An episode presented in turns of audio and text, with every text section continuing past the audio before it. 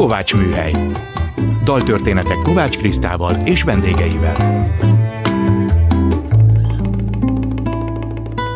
Szeretettel köszöntöm a Kovács műhely hallgatóit, ez itt a Klubrádió, Kovács Kriszta vagyok. Először a Négy összférhajcsár című spanyol népdalt fogom témaadó dalnak énekelni, Fábri Péter magyar fordításában és Viktor Máté hangszerelésében. Első vendégem Mácsai János zenetörténész, kritikus és hangszerrestaurátor lesz. Őt a spanyol népdalokról, Manuel de Fájáról és a spanyol barokk zenekölcsön hatásairól is kérdezem.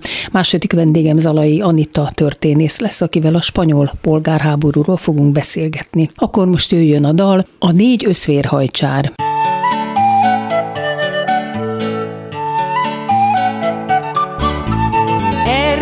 Négy szép legény, erre járt négy szép legény, erre járt négy szép legény, jaj anyám, anyám, négy összférhajcsár, négy összférhajcsár, egyikük szívem felét, egyikük szívem felét, egyikük szívem felét, jaj anyám, anyám, jaj elvitte már, jaj elvitte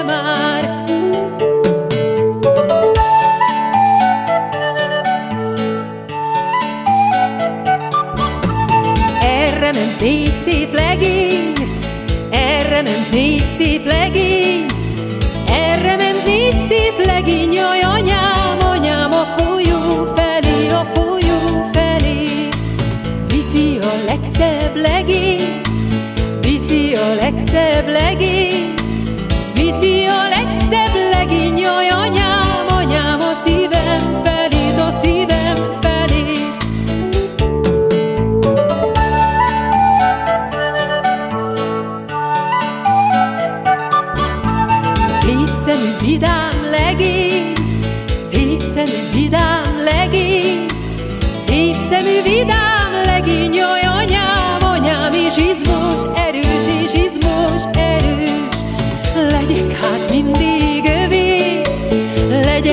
mindig övé, legyek hát mindig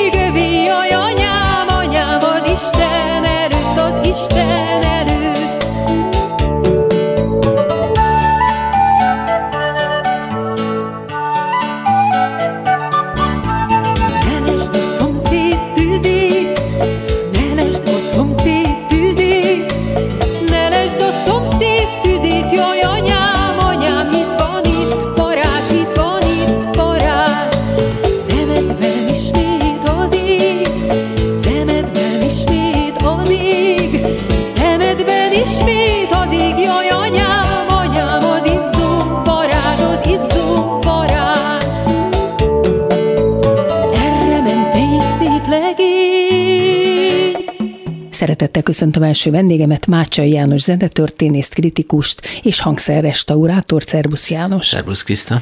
Ez a dal egy spanyol népdal Garcia Lorca feldolgozásában és gyűjtésében. Lorcát Manuel de Falla zeneszerző ismertette meg a spanyol népdalokkal, hiszen Granadában tanította zenére a fiatal Lorcát, zongorázni is és gitározni is tanult, és később flamenco előadást is tartott, és andalúz népzenét is gyűjtöttek, ugyanúgy, mint Bartók és Kodály, ugyanazokban az időkben Magyarországon. A népdalgyűjtés a múlt század elején ezek szerint több országban divat volt?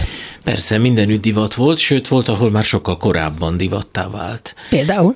Hát Németországban például már jó 50 évvel, vagy talán 100 évvel korábban is divattá vált. És mindig a zeneszerzők gyűjtötték ezeket a népdalokat? Őket nem, érdekelte? egyáltalán nem, nem a zeneszerzők kezdték, hanem hát elsősorban irodalmárok, vagy azok, akik mondjuk úgy néprajzal, mai kifejezéssel élve foglalkoztak. Hát Németországban is így indult, mesegyűjtemények voltak. Sőt, Magyarországon is tulajdonképpen Vikár Béla volt az, aki először elkezdett fonográf felvételeket készíteni, nem is Kodály vagy Bartók, tehát jó néhány évvel, nem sokkal, néhány évvel előttük, ő gyűjtötte föl ezeket, és hát itt a szövegek voltak a fontosak, maga Vikár nem is tudott kottát írni, és aztán a zenészek később jöttek rá, hogy ez, ez mennyire fontos zenetörténeti dolog is. Szóval a szöveg, szövegből indultak ki annak És Kodály Bartók ismerte a vikárféle gyűjtéseket, vagy tőle függetlenül kezdett Nem, gyűjteni? nem, hogy ne ismerte őket, és az ő fonográfon meglévő felvételeiket is használták. Ez egy nagyon nagy korpusz, ha jól emlékszem, talán 2000 felvétel, ilyen fonográf henger felvétel, hát ezek persze egy-két perces kis anyagok, mert ennyi fért rá. De hát ez, ez minden öntudatra ébredő nemzetnél tulajdonképpen elkezdődött, azt kell mondja, világszerte, tehát Európa szerte mindenképpen, és megpróbálták a az úgynevezett népnek a, a művészeti kincsét fölgyűjteni, és nem csak a zenét, és nem csak a verseket, nem csak az irodalmat, hanem a, a tárgyakat is. Akkor ezek a nagy gyűjtemények akkor kezdtek kialakulni a 19. századnak az elején már Nyugat-Európában. Térjünk vissza Lorkára, akinek a pályáját tulajdonképpen Defaja végig szemmel tartotta, annyira, hogy amikor 36-ban letartóztatják Lorkát, ő három napig megpróbálja elérni, hogy elengedjék, de akkor már két napja halott volt Lorca. És ő nem is politizált, csak 39-ben megy el az országból. Kívül lehetett maradni akkor a politikán a művészeknek? Egyáltalán nem lehetett kívül maradni, mint hogy soha nem lehet kívül maradni. És hát annak rendje és mondja szerint, ahogy ez aztán itt is megtörtént, ugye a tehetséges ö, ö, olyan embereket, akikre féltékenynek lehetett lenni, hát a falangisták szépen kivégezték, mert hát ugye biztos. Arról nem beszélve, hogy hát még egy csomó probléma volt szegény Lorkával, ugye erősen demokratikus, baloldali gondolkozású volt, rebesgették a cigány származását is, hát rendkívül És mindez még meleg tett. is volt, igen. Hát mindez még meleg is volt persze, és rendkívül sokat tett a, a, az ottani cigány kultúra feldolgozásáért. Ki is adott cigánydalokat, van ilyen című gyűjteménye is. Hát szóval jobb az, ha nincs életbe az Igen, ne legyen. És aztán például egyébként Radnóti írt róla nagyon szépen a halálakor, és hát kigondolta, hogy nyolc évvel később őt is, őt is pontosan ugyanez a sors fogja majd elérni. Mit tudunk akkor zeneileg a spanyol zenéről? Legalábbis amit én tudok, de főleg Defaja művein is látszik, hogy egészen máshol voltak a határok. Tehát nem voltak merev határok, népzene, komoly zene, könnyű zene, ezek így egybe folytak, de az opera, akkor az Arzuéla, ami a spanyol operett, meg a népi bábjáték, tehát ezek így egymásba folytak, és egymásra nagyon mélyen hatottak. Igen, ez nagyon fontos, amit mondasz, ez pontosan így van. És ami szintén nagyon érdekes, és összefügg a, a nép anyagnak az összegyűjtésével, hogy hát ha nagyon durván akarnék fogalmazni, akkor azt merném mondani, hogy e, ilyen már pedig kérem, tanárnő nincsen. Mert mert annyi mindenből ö, Mármint ilyen zene, össze. úgy érted? Ez hát a zene, olyan, amit... Igen, tehát, hogy eredeti spanyol népzene ilyen nem létezik, mint hogy eredeti magyar népzene sem. Uh-huh, ez most vadul hangzik, de hát sajnos Értem ez én. így van történetileg, mert annyi f- ö, érből hatás, ö, ö, jött ez össze, hogy hát ki tudja, hogy mi volt ennek a, az eredete. Na most, ha már a spanyolról van szó, az nagyon fontos, hogy ö, egyébként pont száz évvel ezelőtt, most így hirtelen eszembe jut, 1922-ben volt egy nagyon nagy ö, fesztivál, amit éppen de Fire kezdeményezett, és Lorca ott, részt is vett, és benne volt ebben az egészben. Ez egy nagy értelmiségi csapat volt, akik egy ö, ö, Cante Hondo, vagy Höndo, ahogy ezt nem tudom pontosan, hogy kell ejteni, andalusz tájszólásban, tehát a, a, a mély ének, ö, magyarul így lehetne fordítani, műfajt, ami a flamenkónak egy, egy ága, majd ezt mindjárt talán Majd a flamenkóról még külön igen, beszéljünk majd. Megpróbálom felrajzolni ezt a térképet, mert nem olyan egyszerű. Szóval csináltak egy fesztivált, és ez egy nagyon fontos és nagyon népszerű fesztivál lett, elég sokáig élt, és ha jól tudom, még ma is vannak utórezgései. És itt ezt a fajta kultúrát próbálták feleleveníteni, vagy életben tartani, népszerűsíteni, hiszen ez nagyon fontos volt. Na most, ami az érdekes, hogy ennek el volt ellenmozgalma is, tehát az antiflamenkisták, ilyen is volt, ö, akiket ma úgy mondanánk, hogy a, hát népiesek és urbánusok, szóval mondjuk azok voltak a hardcore urbánusok. Uh-huh. És, de hát persze itt egészen másról van szó, és tényleg ez Spanyolországban egy alapvetően fontos zenei ér volt, már úgy értem folyam, folyam ér, amiből aztán a folyamok és a, az óceánok lesznek, hogy ez a flamenco eredet, ez, ez honnan jön? Hát ez, ez rendkívül tanulságos, mert ez nagyon sok népzenében és nagyon sok országnak, világnak, kultúrának a zenéjében így van. Persze ugye mindig mások az adatok. Hát szóval elsőként ugye a helyi andalúz zene volt az, ami a kiinduló pontnak tekinthető. Persze annak is voltak gyökerei, de hát ez már bonyolult. Ez ugye Dél-Spanyolország lényegében, ha ott húzunk egy mondjuk 200 kilométeres kört egy körzővel. Hát Andalúzia nagy részt, akkor Andalúzia, igen.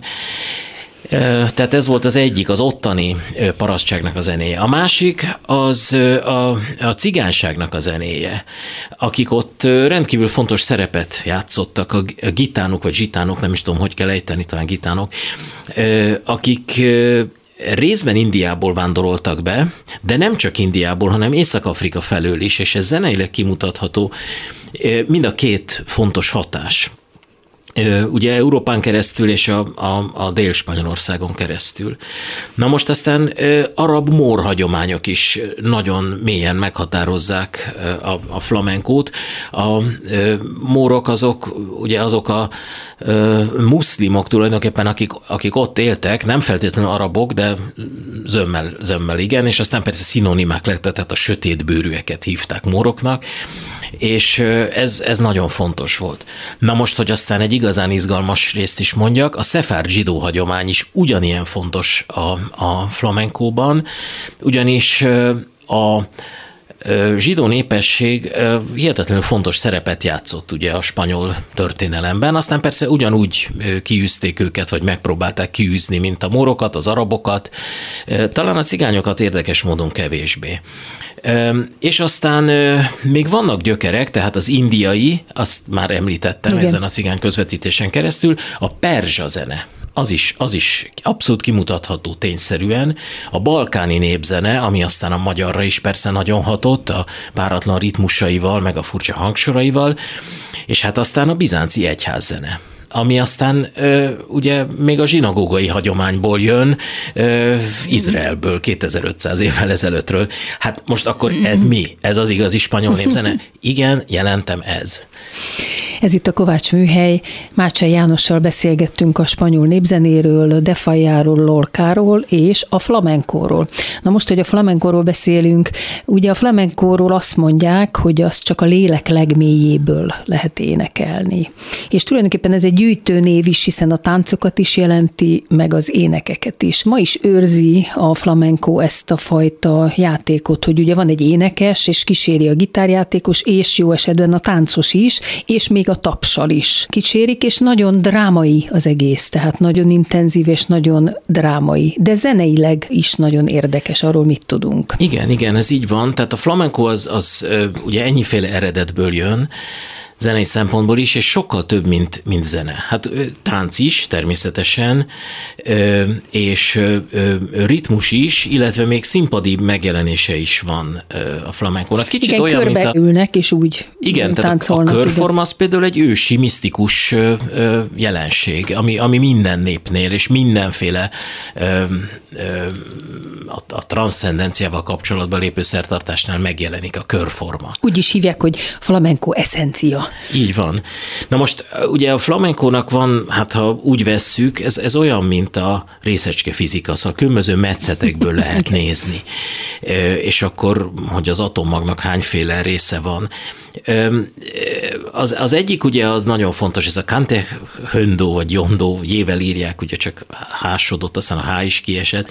Tehát a mély dal azt jelenti ez a, a profundus dal. A mélység itt valamiféle lelki tartalomra utal mindenképpen, és nagyon érdekes, hogy harmóniailag is, hát inkább mollos színezetű. Hát hogy a mai, frig igen, hangsor. Azért igen. mondom, mert a frig az talán nem mindenkinek nyilvánvaló, hát hogyha a zongora billentyűt nézzük, akkor az éd kezdődő csupa fehér billentyű skála. Igen és a, ez inkább MOL színezetű hangsor, de hát persze aztán vannak benne főleg arab hatása, Mert van bővített szekund benne van. kettő is, igen. Igen, igen. igen. Hát te biztos el tudnád énekelni a hallgatóknak. Így van. Igen, igen. ez egy... Tido, Rimi. Így van. A hangsúly, hát igen, igen, pontosan. Tehát ezeket variálják, és elképesztő módon díszítik ezeket, igen. és hajlítgatják. Na most egy fontos része a, a recitativószerűség, ugye, hogy azért nagyon sokat egy hangon ismételgetnek, tehát egy csomó ö, ö, verssor egy hangon van, de a díszítettsége miatt és a hajlítottságok miatt annyira izgalmasan sokféle, hogy nincs két egyforma pillanata. Meg nagyon sokszor ilyen ajjaj, meg ajaj, jajongással kezdik az egészet, azt hajlítgatják, igen. és utána folytatják folytatják. Szóval ez, ez semmiképp nem egy vidám nem, réteg. Nem. De aztán van egy úgynevezett cante intermedio, a köztes dal, vagy a cante flamenco, ami valahogy a vidám, a könnyű dal felé ö, ö, mozdul már el, és akkor van a cante kiko, a könnyű dal. Tehát van, van azért ennek vidám része is. Na most azért az biztos, hogy ezek a, hát általában páros ritmusok, tehát nem olyanok, mint a, a keleti népzene, de azért sok, mondom, ilyen balkáni dolog is beszivárgott, hogy a mély érzelem, a halál témája, a gyötrelem, halál, szerelem, szerelem kétségbeesés, vallási kételj például, ami nagyon izgalmas, hogy ez is felmerül. Tehát ez mindenképpen egy, egy nagyon érdekes hibrid forma. És hogy mennyire elterjedt, és hát ugye a 18. században már Európa szerte elkezdték ismerni. A fandango például, ez egy nagyon érdekes részegysége ennek. Ott jön be a castagnetta, meg a, a gitár, meg ezek a dolgok, hogy ez például már a bécsi klasszikában, Glucknál, Mozartnál felmerül, vagy felbukkan valamiféle reflex. Na most, hogy mennyire nem csak zene ez, és nem csak tánc, tulajdonképpen a, főleg a, a, a spanyol cigányság teljes emberére hatást gyakorol, szóval ez egy életforma, viselkedés, élet, öltözködés, szerepminták, viselkedés, tehát mi, mindenbe beleszivárog. Szeretné, ha visszatérnénk a szerzőkhöz, tehát Defajjához, Igen. aki a bűvös szerelem El Amor Brujo, ha jól ejtem, című táncjátéka, vagy opera, vagy balett keveréke, és ugye ebben van a híres tűztánc. Igen. Erről azt írja ő, lehetetlenség lett volna valódi cigány muzsikát írni anélkül, hogy a hangszeres táncok mellett ne szólaltassa meg a cigányok legjellegzetesebb művészetét, a dalokat. Mind a mellett nem eredeti dallamokat alkalmaztam. Valamennyi dal saját leleményemből származik, és annál nagyobb dicsőség az a körülmény, hogy ezeket csak nem lehetetlen megkülönböztetni az eredeti népi anyagtól. Tehát magyarul ő írt népdalokat, ha, ha úgy vesszük. Na most, hogyha ezt az idézetet felolvastad volna bármelyik zenész előtt, aki nem tudja, hogy ez defaja, akkor mindenki azt hiszi, hogy ez Bartók saját szövege. Mert hogy ő szó igen, szerint ugyanezt igen. leírta a magyar népzenével kapcsolatban, hogy ő hogyan gondolkozik erről.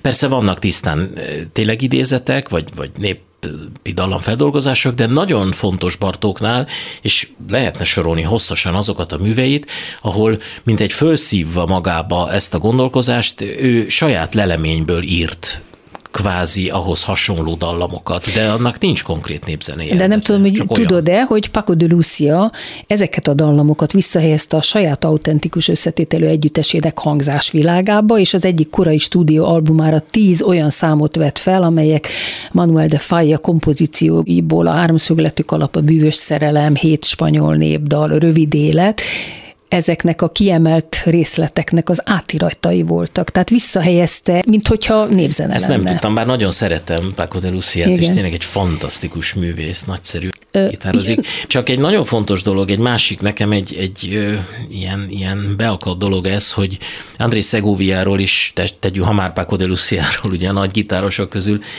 tegyünk egy említést, hiszen ő is ott volt ezen az 1922-es uh-huh. ünnepélyen, vagy fiesztán Granadában, amikor a megszervezték ezt a fantasztikus eseményt, és ő is játszott. A hét spanyol népdal, ez egy nagyon fontos műve Defaljának. A zeneszerző még Párizsban élt, amikor egy ének tanár megbízásából görög népdalok feldolgozásával foglalatoskodott, és e munka közben érlelődött meg benne az az elhatározás, hogy kialakít egy spanyol népdalokból álló ciklust is. És szerintem akkor ez elég jól is sikerült neki, majd a beszélgetésünk végén ebből fogunk hallani részletet. Na most, ami még nagyon érdekes, hogy a barokk zene és a spanyol népzene milyen hatásra, hatással és kölcsönhatással volt egymásra? Kétségtelenül volt hatással egymásra. Érdekes a spanyol zenetörténet, hogy az nem teljesen párhuzamosan fejlődött az európai zenetörténettel.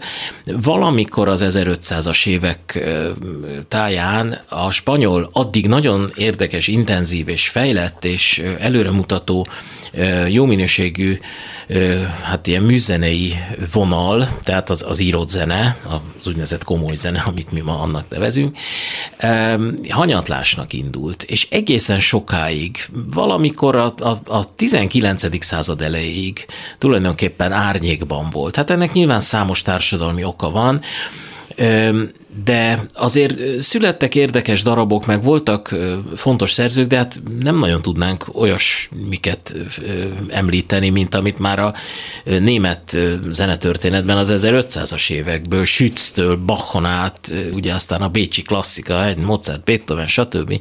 Tehát, hogy nem, nem ez a vonal volt.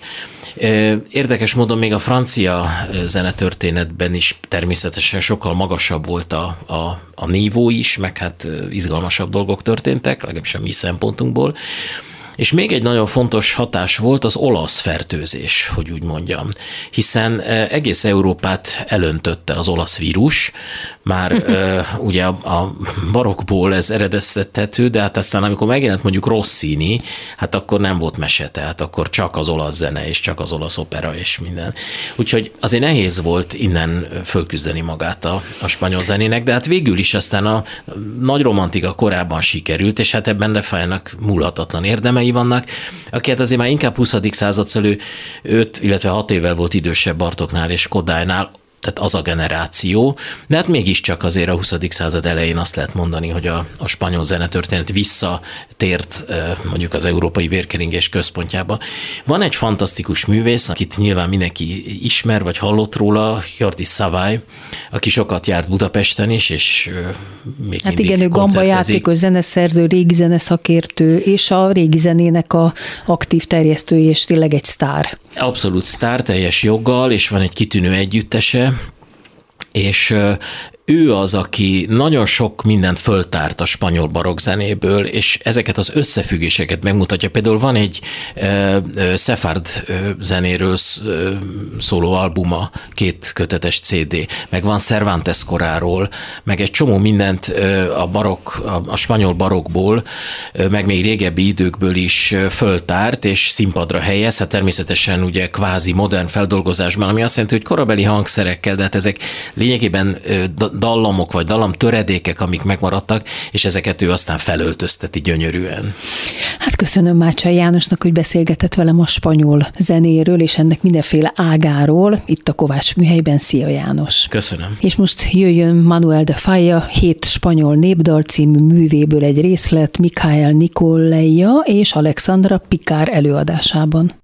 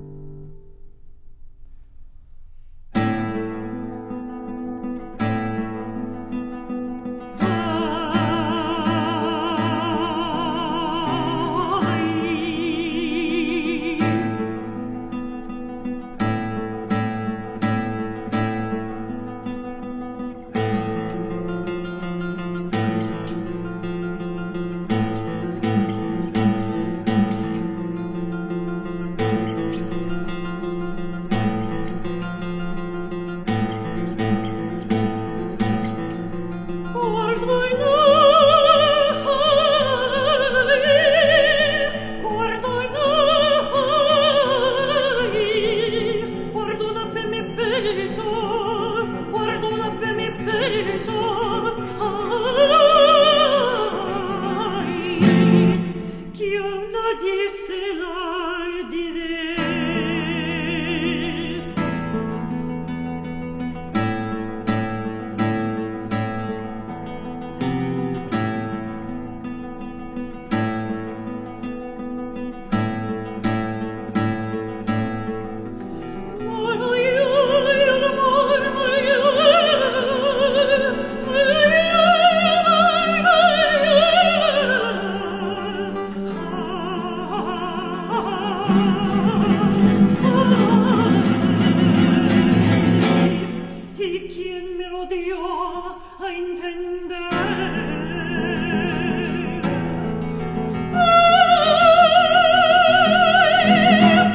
Szeretettel köszöntöm második vendégemet, Zalai Anita történészt telefonon. Jó estét kívánok!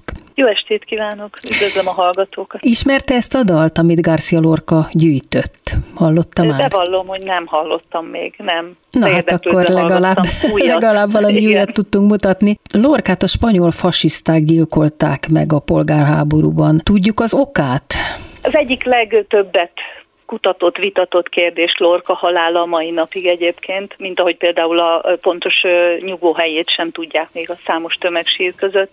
Hogy miért ölték meg, mindenképpen szimbolikus jelentősége volt az ő halálának, mert hogy egyrészt az egyik legelismertebb művésze volt a korabeli Spanyolországnak. Vannak, akik a homoszexualitására is utalnak. Véleményem szerint egy, egy, egy prominens személyiséget végeztek ki az ő személyében.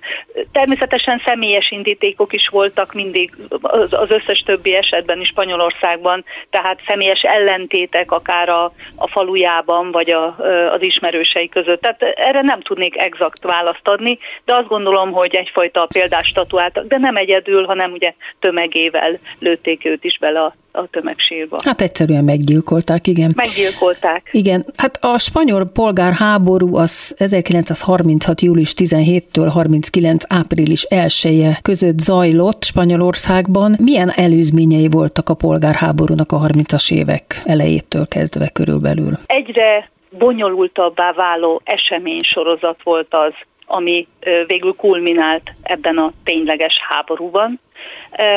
Talán onnan kezdeném, évszázadokig lehetne visszamenni, ja, hogy Spanyolország évszázados kicsit, problémái, igen. igen, voltak azok, amik, amik hát egyre, egyre nagyobb feszültséget gerjesztettek a társadalomban, de talán egy, egy egész pontos dátumot azért érdemes itt mondani, 1931 április 14-én kikiáltották a második köztársaságot Igen. Spanyolországon, tehát a király elhagyta az országot, bár nem mondott le a trónról, és elkezdődött egy rövid, de annál, annál mozgalmasabb és hát ellentmondásos időszak a Spanyolország történetében, jelenkori történetében. Ez volt az első igazi demokratikus próbálkozás, berendezkedésre való próbálkozás, és hát elképesztő radikális reform elképzelések jellemezték, főleg az 1931 és 33 közötti időszakot az országban.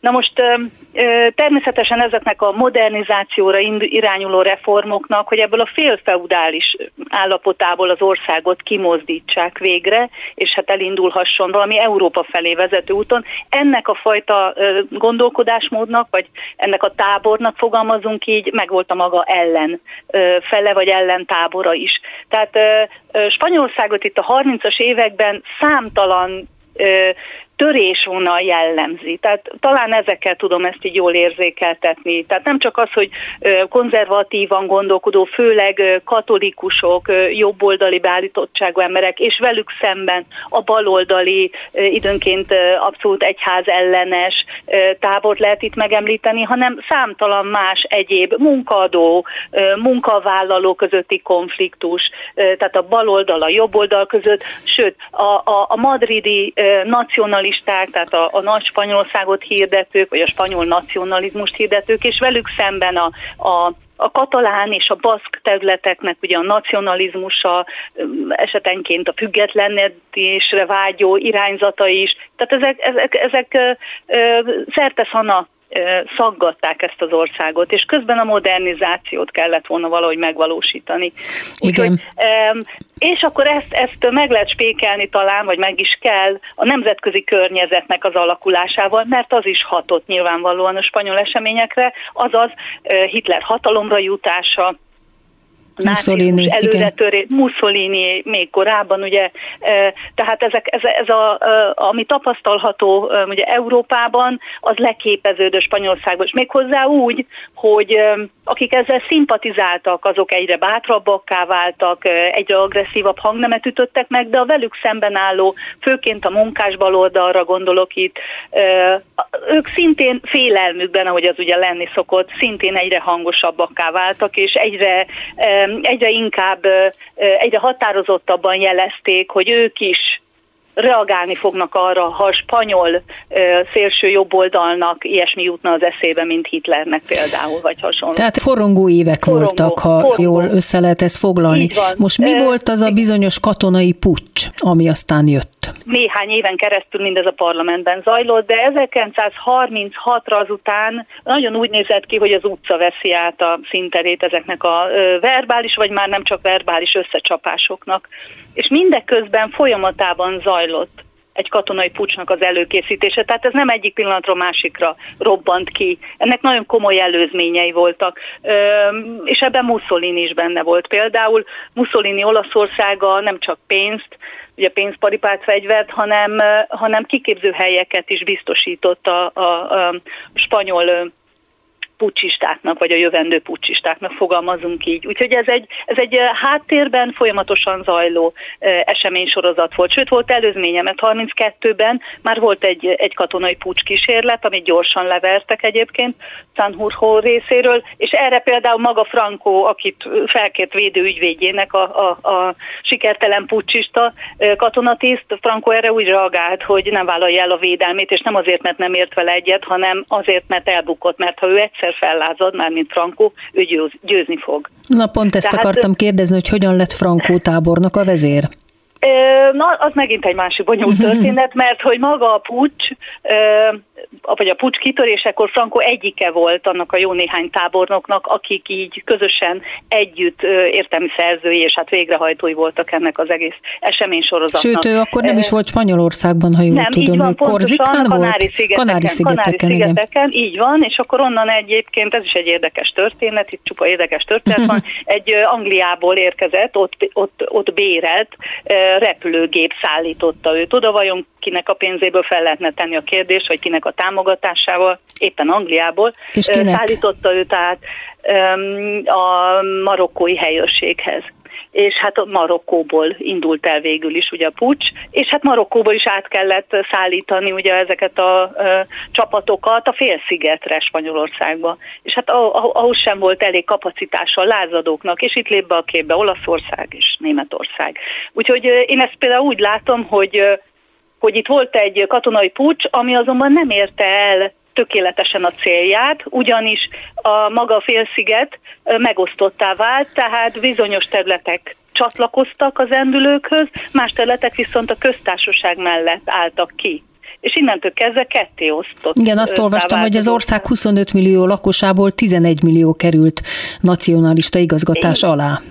Tehát gyakorlatilag akkor kvázi fele, ugye? Tehát Igen. azt mondhatjuk, hogy ez csak egy félig sikerült pucs volt.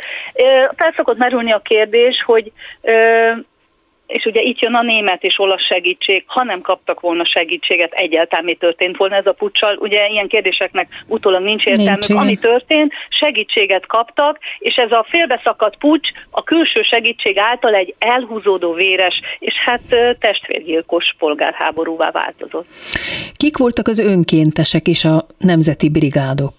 A nemzetközi brigádok, hát javarészt, de csak azt lehet mondani, hogy javarészt kommunistákból álltak, de ez korán sem igaz ezzel a Tehát a Szovjetunió világ... küldte oda az embereket? Nem, ezt, ezt sem lehet így kijelenteni, hanem a világ minden tájáról elindultak, de szó szerint Ázsiából, amit talán kevésbé ismert, még Afrikából is érkeztek, az Amerikai Egyesült Államokból, onnan biztos nem a Szovjetunió, ők, ők a szabadságért, a demokráciáért harcoltak, Kanadából is érkeztek, Dél-Amerikából. Azt kell tudni, ugye nálunk ennek egy nagyon leegyszerűsített olvasás olvasata és verziója volt, úgy gondolom, az elmúlt évtizedekben. Igazából azt kell látni, hogy a 30-as évek a, a, az ideológiák ütköző zónája volt. Spanyolország ebben az időben a legfőbb csatatere a 30-as évek ö, ö, alapvetően két nagy ideológiájának, Ugye az egyik a szabadságot hirdető demokrácia, vagy demokratikus törekvések, a másik pedig a totalitarizmusoknak a különböző megnyilvánulási formái. Ja, mint amilyen aktuális és... lenne, mint ha ma is, ma is ezekről vagy folyik a vita, igen. sajnos nem vagyunk pontosan. még túl ezen a problémákon. Pontosan, pontosan. Bár úgy gondolom, hogy ilyen kristálytiszta formában tényleg ez a, ez a spanyol polgárháború, ami innentől kezdve nem is csak a saját ügyük volt tényleg, hanem egyfajta szélesebb ügyé vált. E, ez, ez az ideológiák csataterévé vált. De van itt egy bonyolultabb dolog, ezt hagyd mondjam el, épp ezen gondolkoztam, mielőtt vártam a hívásukat, hogy van egy, a polgárháborún belül, ez, ez is kevésbé ismert, azt hiszem hallgatók számára, volt egy még egy, egy kis polgárháború is a köztársasági oldalon. Tehát nem elég, hogy azt látjuk, hogy nagyon leegyszerűsítve, ahogy szokták mondani, vörösök vívnak a, a, a fasisztákkal, ugye, vagy uh-huh, kommunisták uh-huh. a fasisztákkal, leegyszerűsítve nagyon és idézőjelben, hanem a köztársasági oldalon belül is számtalan politikai árnyalat létezett, és éppen a Szovjetunió az ő katonai tanácsadóin keresztül volt az, aki megpróbálta ezt irányítani, azt az ott zajló belső küzdelmet. Miről volt szó? és ez alapvetően Katalóniára koncentrálódott egyébként. A következőről volt szó, ott az anarchista és anar, anarcho-szindikalista mozgalom rendkívül erős volt. Óriási tömeg, milliós tömeg tá, bázisra támaszkodhatott, és ők úgy érezték, hogy eljött a pillanat végre 36-ban, hogy igazi társadalmi forradalmat hajtsanak, hajtsanak végre. És számos területen ez meg is valósult egyébként, tehát ez a libertárius kommunizmus jegyében eltörölték a pénzt, és ugye ismerjük ezeket a koncepciókat, ami az anarchistákra jellemző, hogy mindent, ami, ami ugye az államot szimbolizálná, azt, azt felszámolni, és a kollektívben gondolkozni. És ők ezt végig akarták vinni. Ez a Szovjetuniónak a forradalom, a társadalmi forradalom nem állt az érdekében. Igen. És gyakorlatilag ők robbantották ki 37 májusában Barcelonában azt a konfliktust, ami egy mini polgárháborúvá változott, aminek a célja az volt, hogy leszámolni az anarchistákkal és az anarchoszindikalistákkal is megerősíteni az egyébként gyenge spanyol kommunista pártot. Ez itt a Kovács Műhely Zalai Anitával a spanyol polgárháborúról beszélgetünk. A különféle nemzetiségek, például a baszkok, hogyan vettek részt a polgárháborúban? A baszkok helyzete nagyon sajátos volt. Most az előbb éppen Katalóniáról uh-huh. beszéltem. Logikusnak tűnne, hogy Baszkföldön valami hasonló zajlódott, esetleg markánsan különbözik a két térség, a két régió, és ennél fogva a két térség nacionalizmusa is egymástól, vagy az elképzelései. Baszkföld mélységesen hogy alapvetően én ezt merem kijelenteni, katolikus beállítottságú lakossággal rendelkezett ez, egy, ez mondjuk a konzervatív táborhoz közelítette volna őket, de ugyanakkor, ugyanakkor a köztársaság alatt a nacionalista elképzelések, tehát a, a saját nemzeti autonómia törekvéseiket megtámogatva érezték, és éppen 36 júliusában, néhány nappal ott a pucskirobanása körül időben kapta volna meg Baszkföld az autonóm státuszt, amit 32-ben Katalónia már megkapott. Tehát úgy érezték, hogy elértek valamit, és hát ekkor tört ki a, a, a polgárháború, illetve a pucs maga. És hát innentől kezdve nagyon érdekes dolog történt, mert Baszkföld gyakorlatilag ellenállt egészen 37 közepéig, amikor azonban elfoglalták Franco erői, és innentől kezdve egy büntető hadjáratot, expedíciót, egyfajta leszámolást hajtottak végre Baszkföldön. Na most tehát Baszkföldön van egy, egy, egy, egy jelentős konzervatív réteg is, tehát katolikus réteg, de ugyanakkor mégis e, sikerült a a köztársasági beállítottságú, köztársasággal szimpatizáló nacionalista politikusoknak, mondjuk így, maguk mellé állítani a, a, a katolikusokat is, vagy a, a, a vallásos embereket. Úgyhogy Ebb, ilyen helyzetben érte őket, viszont a frankoista megszállás. Franco pedig könyörtelen volt. Nem igazán érdekelte, hogy egyrészt ugye nem fogadta el a baszk mint nemzetiség létezését, sem a katalánét, tehát innentől kezdve tűzzel, vassal próbálta meg elfeledtetni, vagy kiirtani a baszkokból azt, hogy nekik saját elképzeléseik legyenek. Most beszéljünk egy picit az áldozatokról, hiszen rengeteg áldozata lett ennek a polgárháborúnak, de mindkét oldalon. Ugye, hogy körülbelül 600-800 ezerre becsülik az áldozatokat, de... Számháborúról szoktunk Hát igen, de nagyon sok volt a túlkapás, és nem csak a nacionalista oldalon, hanem a köztársasági oldalon is, hiszen ott is volt, hogy 7000 papot is hívőt öltek meg, akkor emiatt a katolikusok az elázadók oldalára álltak, rengeteg teljesen felesleges áldozat volt. Így van, túl, így ahogy, ahogy mondja, nyilván ez pontos, amivel kezdtem a mondandómat, ezekkel a évek, évtizedek, sőt évszázadok óta halmozódó feszültségekkel lehet talán magyarázni. Tehát itt, itt, itt, itt óriási erők töltek, törtek a felszínre, és nem, nem mérlegeltek egyik oldalon sem. Tehát például a polgárháború elején ugye milíciák mentek ki a köztársasági oldalról, munkás milíciák harcolni. Igen.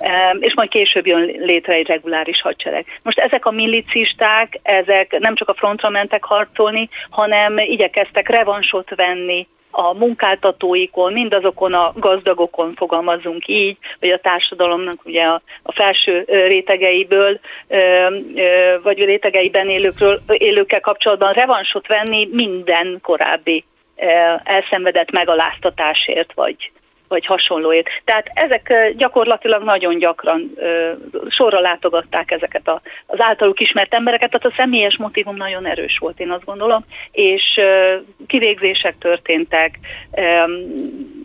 elvették a, a, a vagyonukat, és utána hát nyilvánvalóan ez a másik oldalon ugyanígy ugyanígy zajlott, ott pedig a polgárháború alatt, ahogy Franco csapatai bevonultak egy-egy településre, ott éjszakánként ezt úgy nevezték ezt, hogy elvitték megsétáltatni a rabokat, tehát ilyen sétákra, ami azt jelentette, hogy kivitték őket a falu határába, és a többiek csak a löv- lövéseket hallották, ahol ott ezekbe a, ugye a mai napig éppen most is zajló, ugye feltárásra váló, váró tömegsírokba haltak meg ezek az emberek.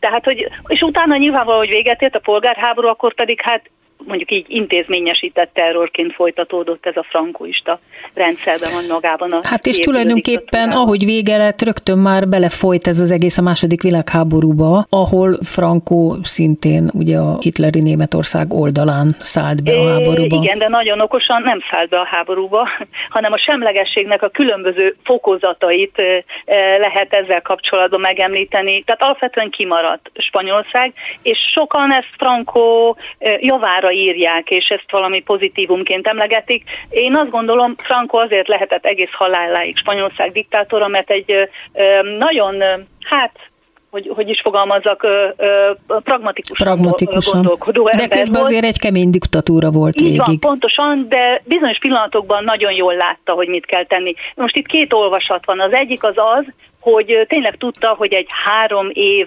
után egy kivéreztetett országgal már nincs hova menni, nincs kivel menni harcolni, ez az egyik, viszont okosan, idézőesen mondom, önkéntesekből álló kék hadosztályát azért elküldte a keleti frontra a Szovjetunióba. Tehát ez volt a részétel önkéntesekből, ezt hangsúlyozni Hát kell. meg azért barátsági szerződést is kötött a hitleri Németországgal. Természetesen, de egyetlen egy alkalommal ők személyesen találkoztak egymással francia-spanyol határon Hitlerrel, amiről Hitler hát úgy nyilatkozott a későbbiekben, hogy még egy ilyet, tehát inkább húzzák ki két zárfogát, hogy még egyszer, mint hogy még egyszer így nevezte latin, ezzel a latin sarlatánnal egyezkednie kelljen. Ugyanis Franco is az egészen elképesztő benyújtotta a számlát annak a Hitlernek, mármint a követelés, területi követeléseit Afrikára vonatkozóan, cserébe azért, hogy ő belépjen Hitler oldalán a háborúba. És tette ezt azt követően, hogy Hitler segítsége nélkül hát egészen biztos, hogy nem tudta volna megnyerni. Akkor ez még ezek szerint ez a pofátlan hozzáállás, akkor hát, ez még igen, Hitlert most, is igen, meglepte. Nagyon leegyszerűsítő, egészen elképesztő volt. És, és komoly, komoly elképzelései voltak területi követelései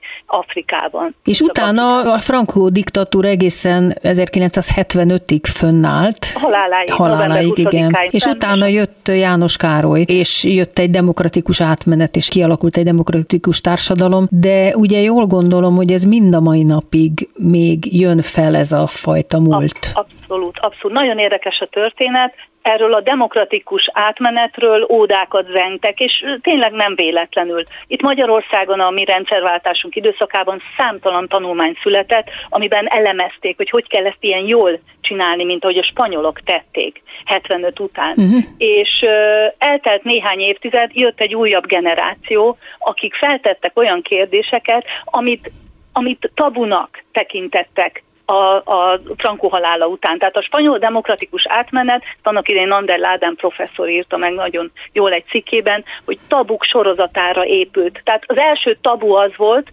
hogy nem hánytorgatjuk a múltat fel, nem nézzük, hogy ki volt a felelős és miért. Tehát nem, a múlt tabu volt.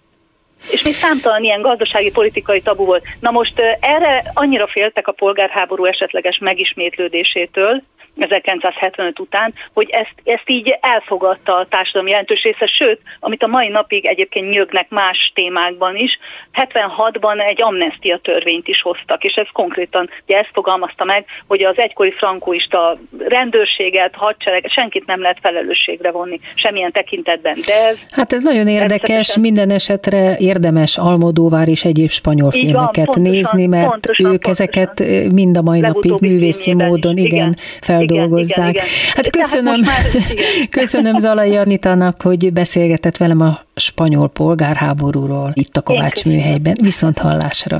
Köszönöm, viszont hallásra. És köszönöm hallgatóink figyelmét Pályi Márk, munkatársam nevében is. Az adás ismétlése ma este tízkor hallható, utána az archívumban is bármikor elérhető, és már podcastként is hallgathatnak minket. Jövő vasárnap egy újabb daltörténettel jelentkezik a Kovács műhelyben, Kovács Krisztával és vendégeivel. Mit visz a víz? Vedres Csaba és Fábri Péter szerzeményét éneklem, így a víz lesz az adás témája. Szilágyi Sándor vízépítő mérnököt a Föld és Magyarország vízkészleteiről és arról kérdezem, hogy mit csinál egy vízépítő mérnök. Utána második vendégem Szabó Viktória, a Budapest Gyógyfürdői és Hévizei ZRT gyógyászati osztályvezetője lesz. Őt arról faggatom, hogy mire jók a gyógyvizek és a gyógyfürdők, hányféle fajtájuk van, melyik, hogyan és mivel járul hozzá az egészségünkhöz és a gyógyulásunkhoz. Kovács műhely vasárnaponként 5-kor, ismétlés este 10-kor, majd az archívumban bármikor. Viszont hallásra. És következik a dal Mit visz a víz? Üres a híd, önt a sárga égi pók, szövi hálóját a hold, éjjel fények, fekete ég, egy óriási tó, melyben elsüllyed a szó és a lélek. Mit visz a víz? Alvó házat visz a víz. Mit visz a víz?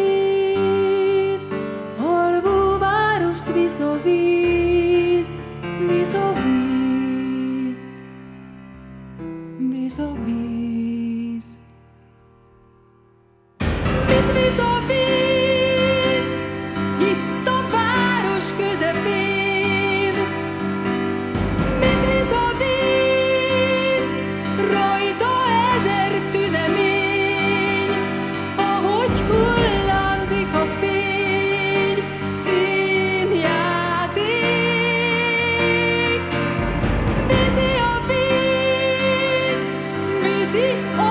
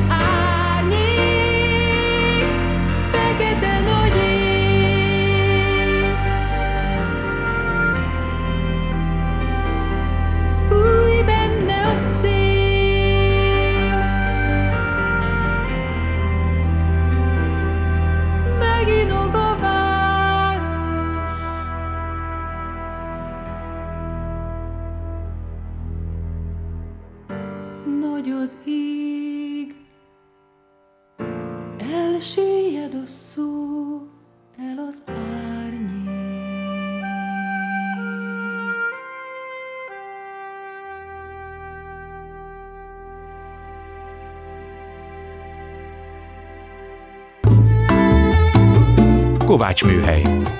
Kovács Kriszta műsorát hallották.